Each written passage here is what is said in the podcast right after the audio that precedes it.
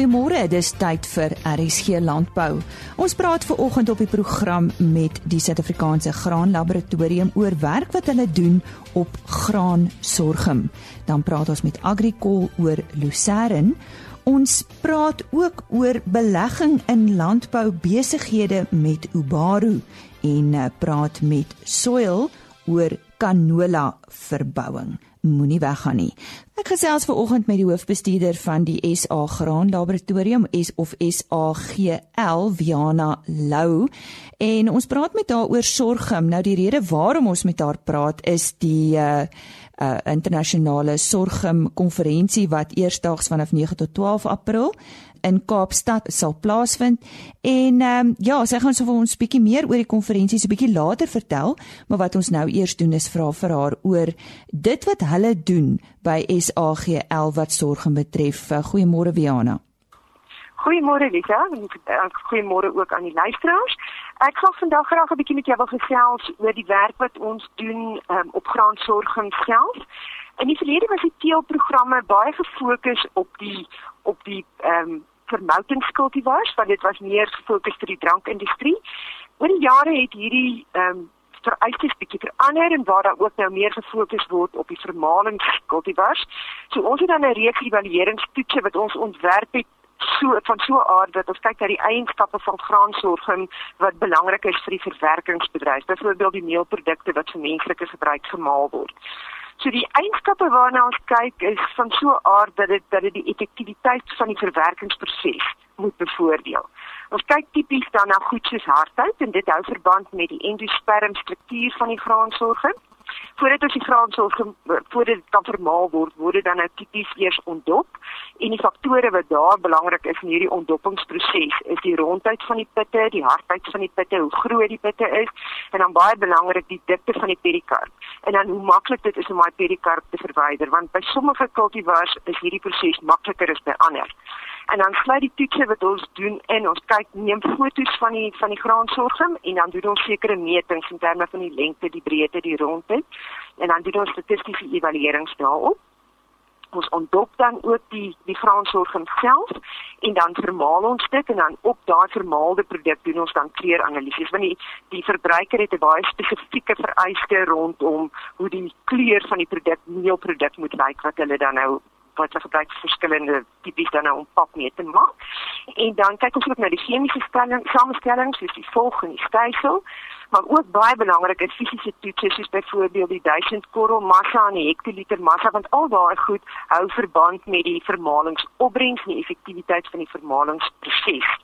Dan het ons ook nou onlangs um, befondsing by die Sorg Trust gekry om te begin kyk na enzimatiese kondisionering vir hoë tanniensorgings, ehm um, want dit is ook 'n 'n uit 'n verwerkte ag 'n verbou produsente oogpunt. Is dit nogal belangrik om makliker om hoë tanniensorgings te verbou bloot oor die oor die voelskade wat op die soetsorgings soos wat ons tipies noem 'n probleem is. En dan hierdie jaar gaan ons ook vir die eerste jaar 'n oeskwaliteitsopname doen op die kommersieel geproduseerde sorg. Maar nou al hierdie analises wat ek nou van gepraat het, is eintlik hoofsaaklik op die op die cultivar monsters gedoen en nou gaan ons ook 'n oeskwaliteitsopname soortgelyk aan wat ons doen op mielies, koring, sonneblom en soja, gaan ons nou ook doen op die graansorging en dan gaan dan net 'n mens indigting wat jy ook kan vergelyk met die kwaliteit wat ons plaaslik produseer en dit dan te kan vergelyk met dit wat ingevoer word. Kom ons praat oor hierdie konferensie. Ons het nou gesê dis van 9 tot 12 April en as ek dit nie mis het nie, is dit by die groot konferensiesentrum daar in Kaapstad self. Ja, die konferensie word gehou by Century City Conference Center in Kaapstad van 9 tot 12 April en die tema is Food, Feed and Fuel in a Rapidly Changing World. So dit gaan oor sorghum in die 21st century. Dis eintlik waaroor die hele tema gaan. So dit dan is dan 'n verskillende vyf verskillende hooftemas waarin die die onderwerpe ingedeel is. Daar's 'n fokus op teeling, verdroogde bestand bestande kultivars byvoorbeeld. En dan is daar ook 'n uh, sessie of 'n tema wat gaan oor beter produktiwiteit en winsgewendheid in die internasionale markte. Daar's ook 'n fokus op biotiese en abiotiese uitdagings en dan ook om te kyk na voedselsekuriteit en boerderypraktyke wat veral klein boere kan bevoordeel. Daar's ook 'n hele sessie wat spesifiek fokus op op hierdie tema en en 'n simposium daar rondom. En dan ook ehm, 'n um, tema rondom die toekoms. Hoe kyk ons na waardetoevoegingsidees in die voedsel, brandstof en veevoerbedrywe om te voldoen aan die, die veranderende vereistes van die van die verbruikers. Ek wil regtig graag die luisteraars uitnooi om te gaan kyk op die webtuiste. Die program is reeds daar. Ehm um, dit is 21st, dis in 21, die syfers, centurysorghum.com. En as hulle dan daar gaan kyk, dan kan hulle kyk daar's baie goeie internasionale en plaaslike sprekers wat alreeds um, op die program is. Gaan kyk na die program, ek seker ehm um, die mense self as hulle na die program kyk, lus wees om te kom en dat mense bietjie gesels oor hoe ons ons Franssorgbedryf in Suid-Afrika kan bevoordeel. Die hoofbestuurder van die SA Graan Laboratorium, Viana Lou. Lucerne word feitelik oral in Suid-Afrika aangewend in voermengsels en vorm deel van die meeste voervloei-programme. Nou dit word aangewend as hooi weiding en ook kuilvoer. David Du Plessis van Agricol praat nou met ons oor die vestiging, kultivarkeuses en ander belangrike eienskappe van Lucerne. David, wat is belangrik om in ag te neem as die vestiging van Lucerne oorweeg word? Lise, omdat lucerne 'n meerjarige gewas is en dit maklik tot 5 jaar op 'n land gaan wees, is dit baie baie belangrik dat daar ekstra moeite gedoen moet word met die grondvoorbereiding voor die plant. So, ehm um, grondontlenings moet eerstens gedoen word voor die tyd om enige grondstellings te kan doen om enige tekorte deur die seisoen te voorkom. En alle grondkorse moet dan opgehef word om belangrike onkruidvrye gelyk ferm saadbed met genoegsame vog voorplant te kan verkry. Nou dit dit is 'n sinnetjie met 'n mond vol, maar net om te verduidelik wat alles belangrik is. Die vog is nodig om die rhizobium bakterieë waarmee die saad gedip word te beskerm teen uitdroging en afsterwing. Anders is dit nutteloos dat jy dit gedip het. Maar dit help ook om om die saad gelyktydig te laat ontkiem sodat jy 'n egalige uh, gelykstand het van die begin af. En dan die rhizobium enting maak kunsmisbesparings ook moontlik omdat die plant nou sy eie stikstof kan bind. Ehm um, so dit al hierdie prosesse is om om, om meer effektiewe uh benutting van jou produkte te kry wat jy wel toedien. Nou 'n gelyk saadbed voorkom die effek van laarkolle waar die water gaan staan en versuiping kan plaasvind teenoor hoër kolle wat nie behoorlike waterindringing kry en dis albei hierdie situasies die opbrengste benadeel. So sny gemaak, hoër snyspoed en beter eenvormige snyhoogte kan jy ook verkry omdat jou grond net eenvoudig baie gelyker is. Dis baie belangrik om die saad egalig en evenredig te versprei om die beste stand te verseker. Te hoë saaidigtheid veroorsaak onnodige kompetisie en dan ook eintlik stadiger en oneffektiewe wortelontwikkeling. Daarby is daar verskeie kultivars beskikbaar. Ek dink maar hoe divers die grond en klimaat van ons land is. Uh is is daar dan iets vir almal? Ja, soos jy reg daar sê en soos ons almal weet, lucerne word oor die hele land in Suid-Afrika geplant, maar ook nie hier nie, ook wêreldwyd. En daar's baie groot variasie in klimaat en veral jou vog en jou voedingsstof beskikbaarheid. Nou gelukkig is daar 'n geweldige vordering gemaak op die genetiese vlak in terme van gehalte, opbrengs en verdraagsaamheid eienskappe van die lucerne. Nou, om dit te verduidelik, die belangrikste een is, seker die dormansie of terwyl dan die koue verdraagsaamheid. Ehm um, hoe hoër die dormansie uh, waarde is, hoe beter is jou koue verdraagsaamheid. Nou tradisioneel het lucerne maar 'n 6 dormansie gehad, maar nou is daar al 9 tot 10 dormansies beskikbaar. Nou hierdie dormansie maak dit moontlik om hoër opbrengste te kry omdat daar nou selfs 3 tot 4 meer snitte per jaar geproduseer kan word in die kouer maande waar lucerne normaalweg sou stil staan soos dit nou in die boere terme bekend is. Nou ander kulti ander voordele wat ehm um, nog met die genetika gepaard loop is weer 'n term wat ons noem multi-leaf eienskap. Dit beteken die die die lucerne kultivar het die vermoë om tot 40% meer blare te produseer. En dit maak dit weer moontlik om baie hoë gehalte voer te kan produseer met met tot 24 en selfs hoër proteïene teenoor die ou tradisionele 18 tot 19%. En dan is daar ook kultivars wat braakverdraagsaam is en dis goeie produksie op swakker gronde moontlik kan maak waar ou kultivars voorheen net eenvoudig afgesterf het op daai selfde spesifieke grond. So dit dit skep weer nuwe grond wat beskikbaar is vir hoë produksies wat boere normaalweg net sou los. Nog bykomende voordele van nuwer kultivars is natuurlik beter verdraagsaam verdraagsaamheid teenoor wortelsiektes en ook luisplaag. Nou opbrengs, kwaliteit en baalgemak. Baalgemak is die ehm um, is, is is die seleksie van dunner stingels en hierdie hierdie drie feite is baie belangrik in die teeling en seleksie van enige nuwe kultivar en dit kry jy eintlik outomaties by uh, met jou seleksie van kultivars. Kom ons gesels oor die sny van lucerne. Wat is hier belangrik? Goed, tradisioneel is lucerne altyd gesny op 10% blom. Maar by die nuwe kultivars moet die hergroei eerder dopgehou word as die as die uh tyd van blom.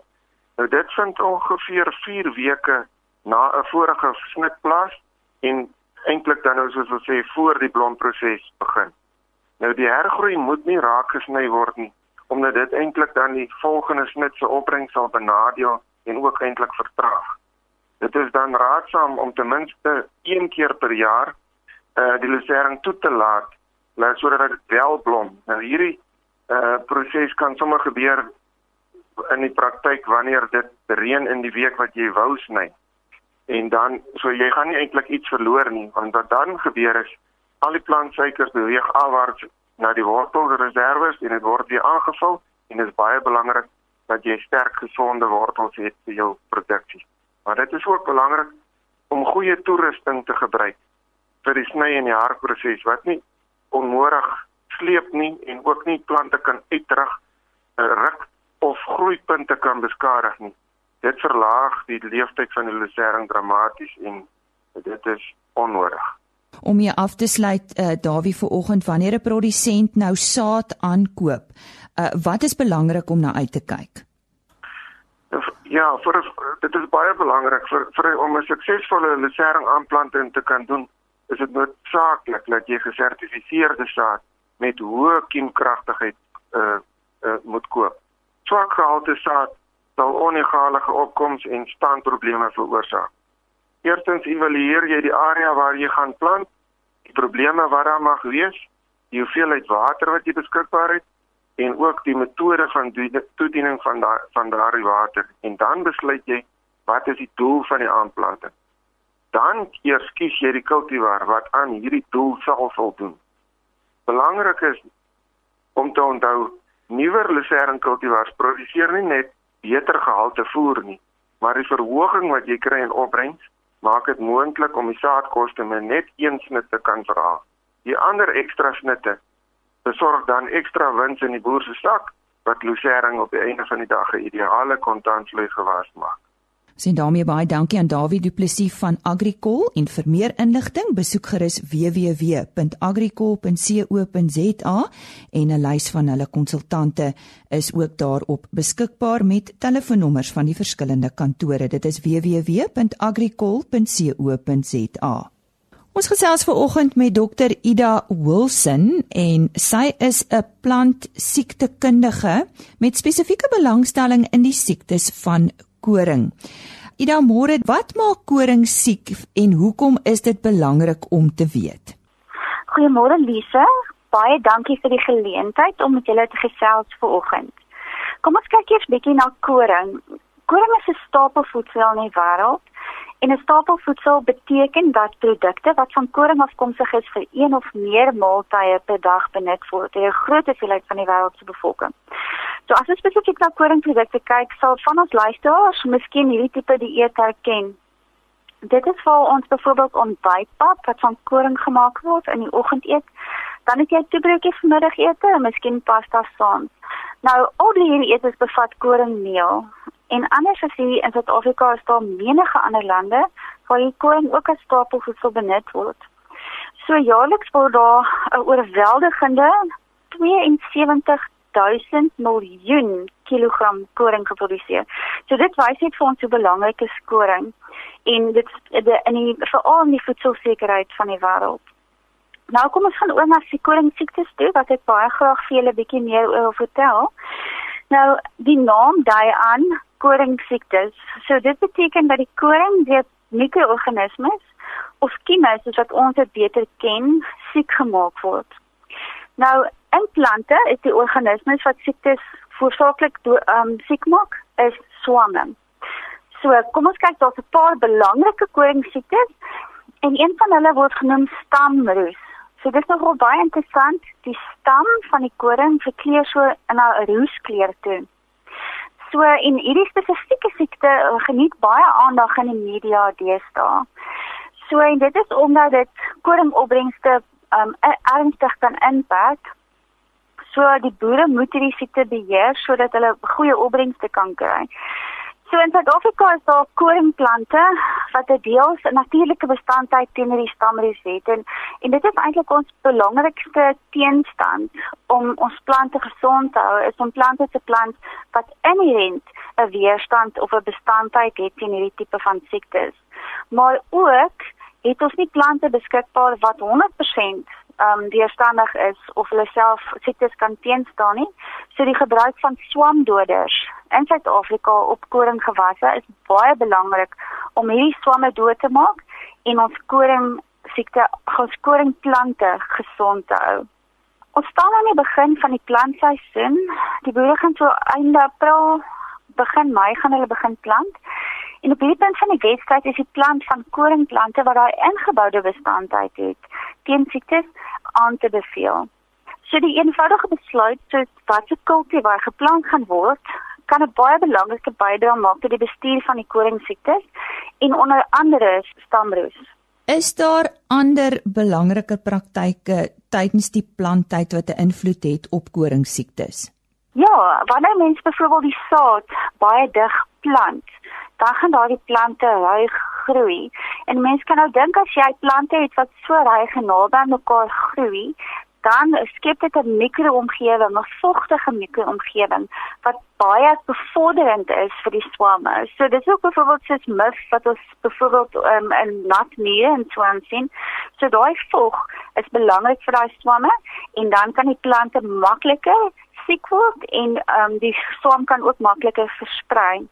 So 'n uh, besluit ten opsigte van plantdigtheid byvoorbeeld kan ook 'n belangrike bydrae maak tot die siektes wat dan heelwat later in die seisoen gaan ontwikkel.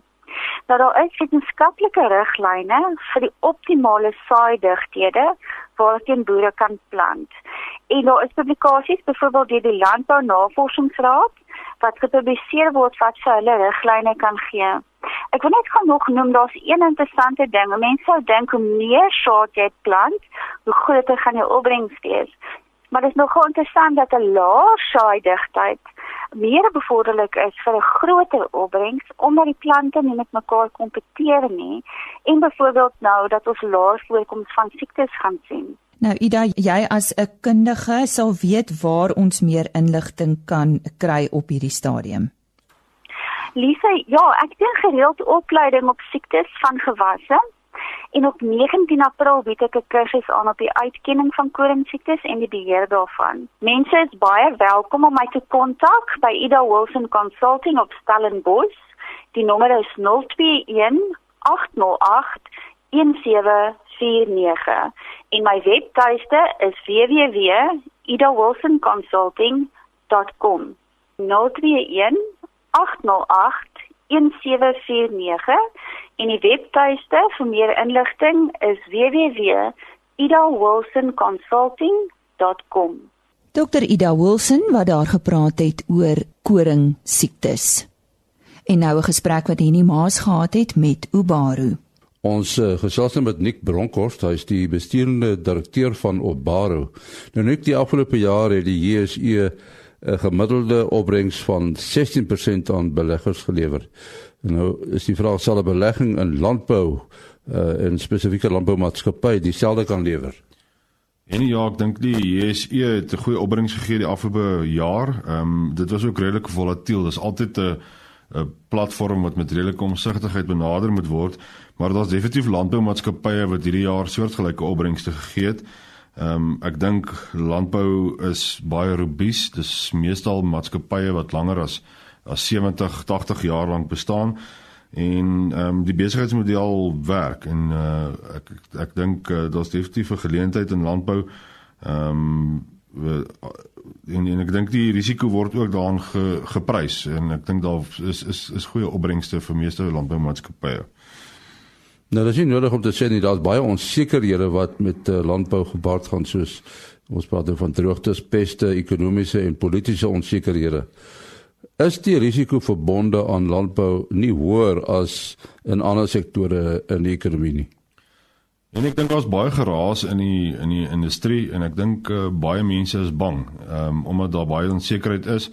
Ek dink landbou was nog altyd 'n industrie, dis een van die oudste neerings in in in die wêreld. Dit is nog altyd 'n industrie wat baie uitdagings gehad het, maak nie saak waar dit bedryf is nie.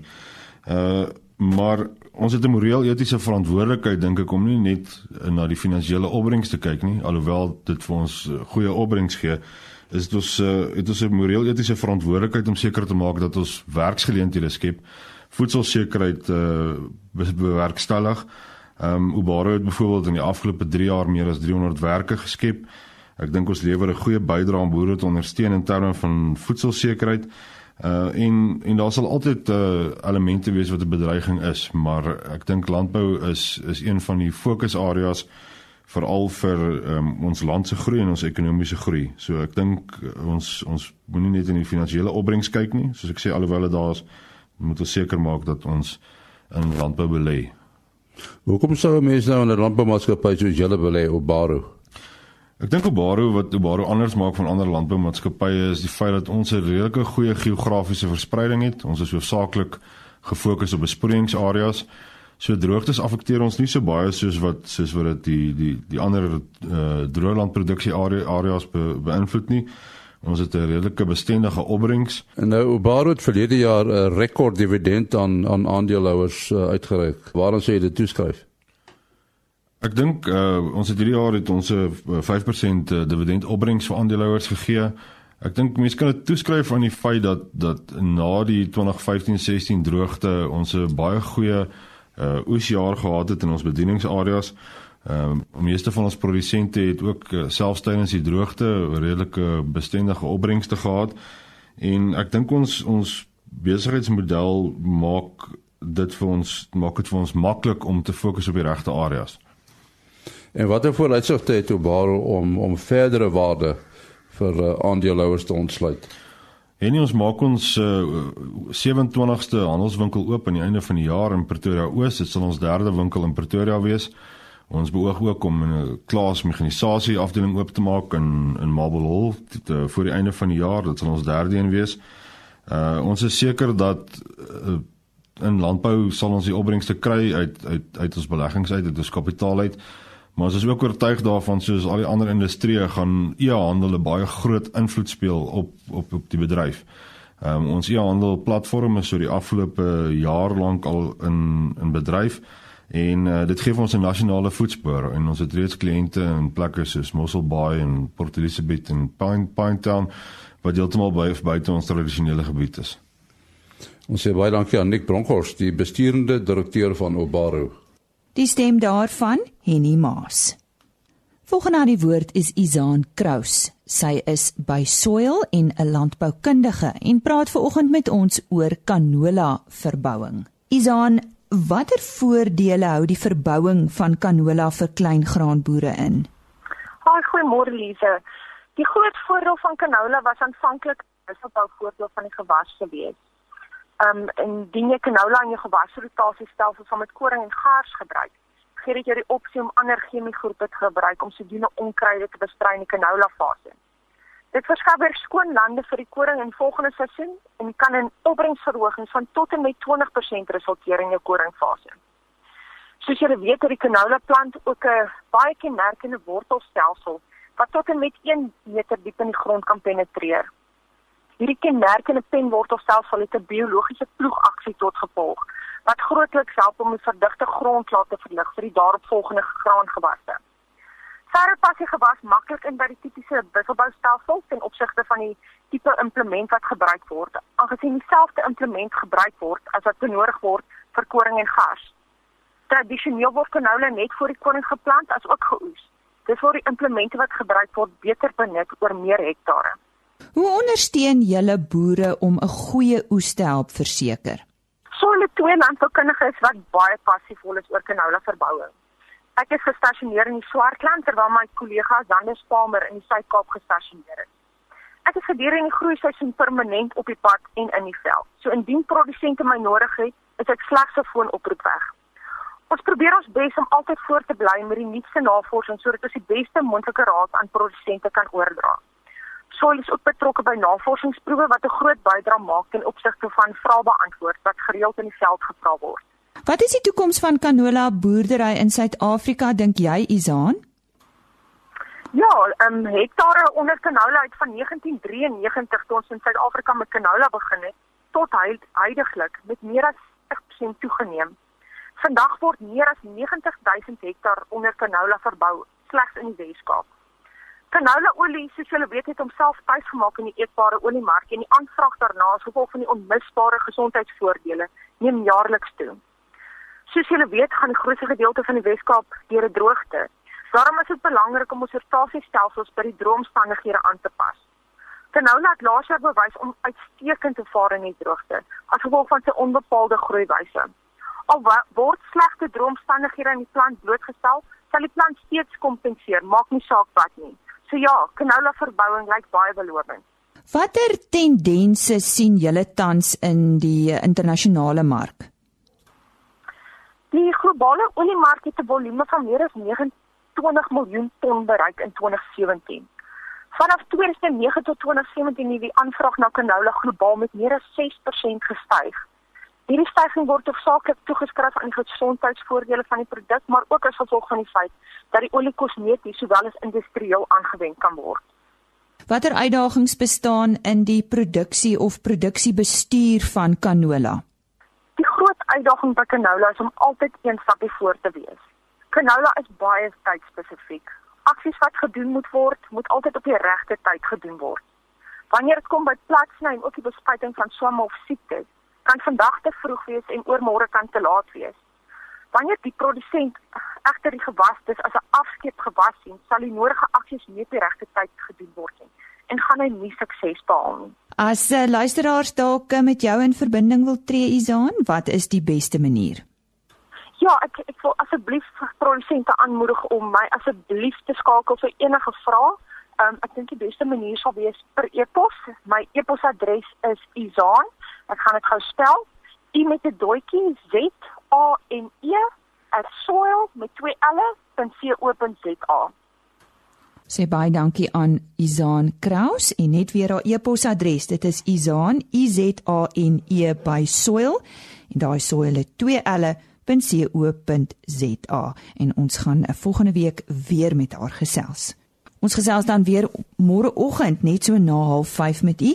Ons praat oor leeu's in aanhouding, oor renosters en in weerwaarhede praat Henny Maas en Johan van der Berg oor windbreuke. Totsiens.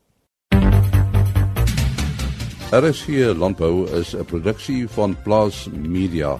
Produksieregisseur Henny Maas. Aanbieding Lisa Roberts. En inhoudskoördineerder Jolandi Root.